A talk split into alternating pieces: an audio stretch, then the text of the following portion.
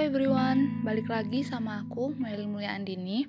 Di episode sebelumnya kita udah bahas tentang apa arti manusia dan keindahan.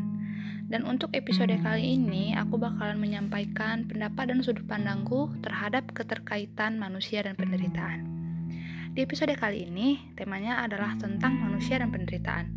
Siapa sih di dalam hidupnya bakalan happy terus, dan apa pun yang mereka mau bakal berjalan lurus sesuai kemauannya, Beberapa di antara kita pasti pernah merasakan bagaimana pahitnya penderitaan.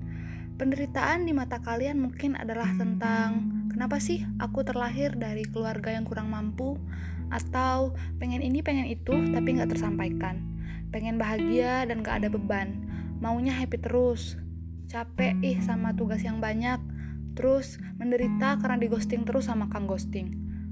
Semuanya adalah bagian dari penderitaan, gengs, tapi sebenarnya penderitaan di setiap manusia itu beda-beda dan penderitaan yang dirasakan manusia itu juga beda-beda di setiap individunya. Nggak akan sama semua, namun penderitaan itu sebenarnya ada bukan karena disengaja, justru karena manusia itu sendirilah yang membuat dirinya menderita. Kenapa bisa?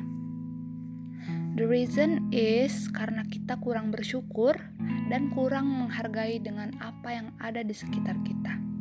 Kita nggak akan menderita ketika kita menjadi seseorang yang sederhana dan tidak banyak maunya.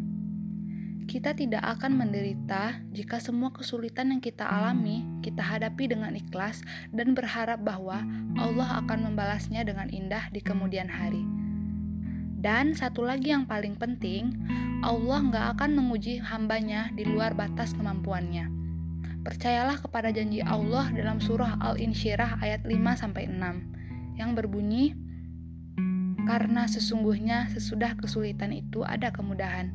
Sesungguhnya sesudah kesulitan itu ada kemudahan. So, jangan lupa untuk terus bersyukur dan berdoa kepada Allah. Stay positif dan always happy. Bye-bye semua. Uh, ditunggu lagi ya episode aku selanjutnya. Terima kasih. Assalamualaikum warahmatullahi wabarakatuh.